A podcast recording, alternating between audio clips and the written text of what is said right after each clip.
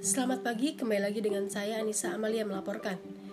Menteri Luar Negeri Retno Marsudi mengungkapkan tiga warga negara Indonesia yang menjadi kru kapal pesiar Diamond Princess di perairan Yokohama positif terkena virus corona. Virus yang diketahui berasal dari negeri tirai bambu itu kini kian menyebar ke seluruh penjuru dunia termasuk Indonesia.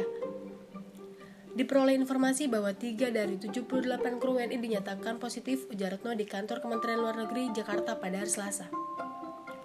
Dalam kapal tersebut terdapat 446 orang yang positif COVID-19, termasuk 78 WNI yang menjadi kru kapal tersebut.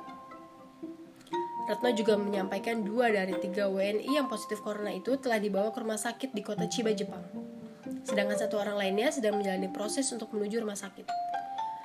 Virus yang berasal dari negeri tirai bambu ini menyebar dengan cepat. Penanganan yang maksimal telah diberlakukan oleh tim medis maupun pemerintah.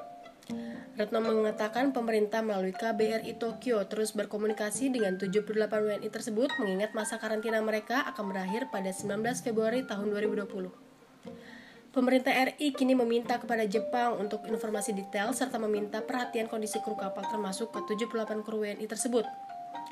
Langkah yang bisa kita lakukan agar menghindari dari virus ini adalah dengan menjaga kebersihan dan juga menjaga daya tahan tubuh untuk mengantisipasi dalam penyebaran virus.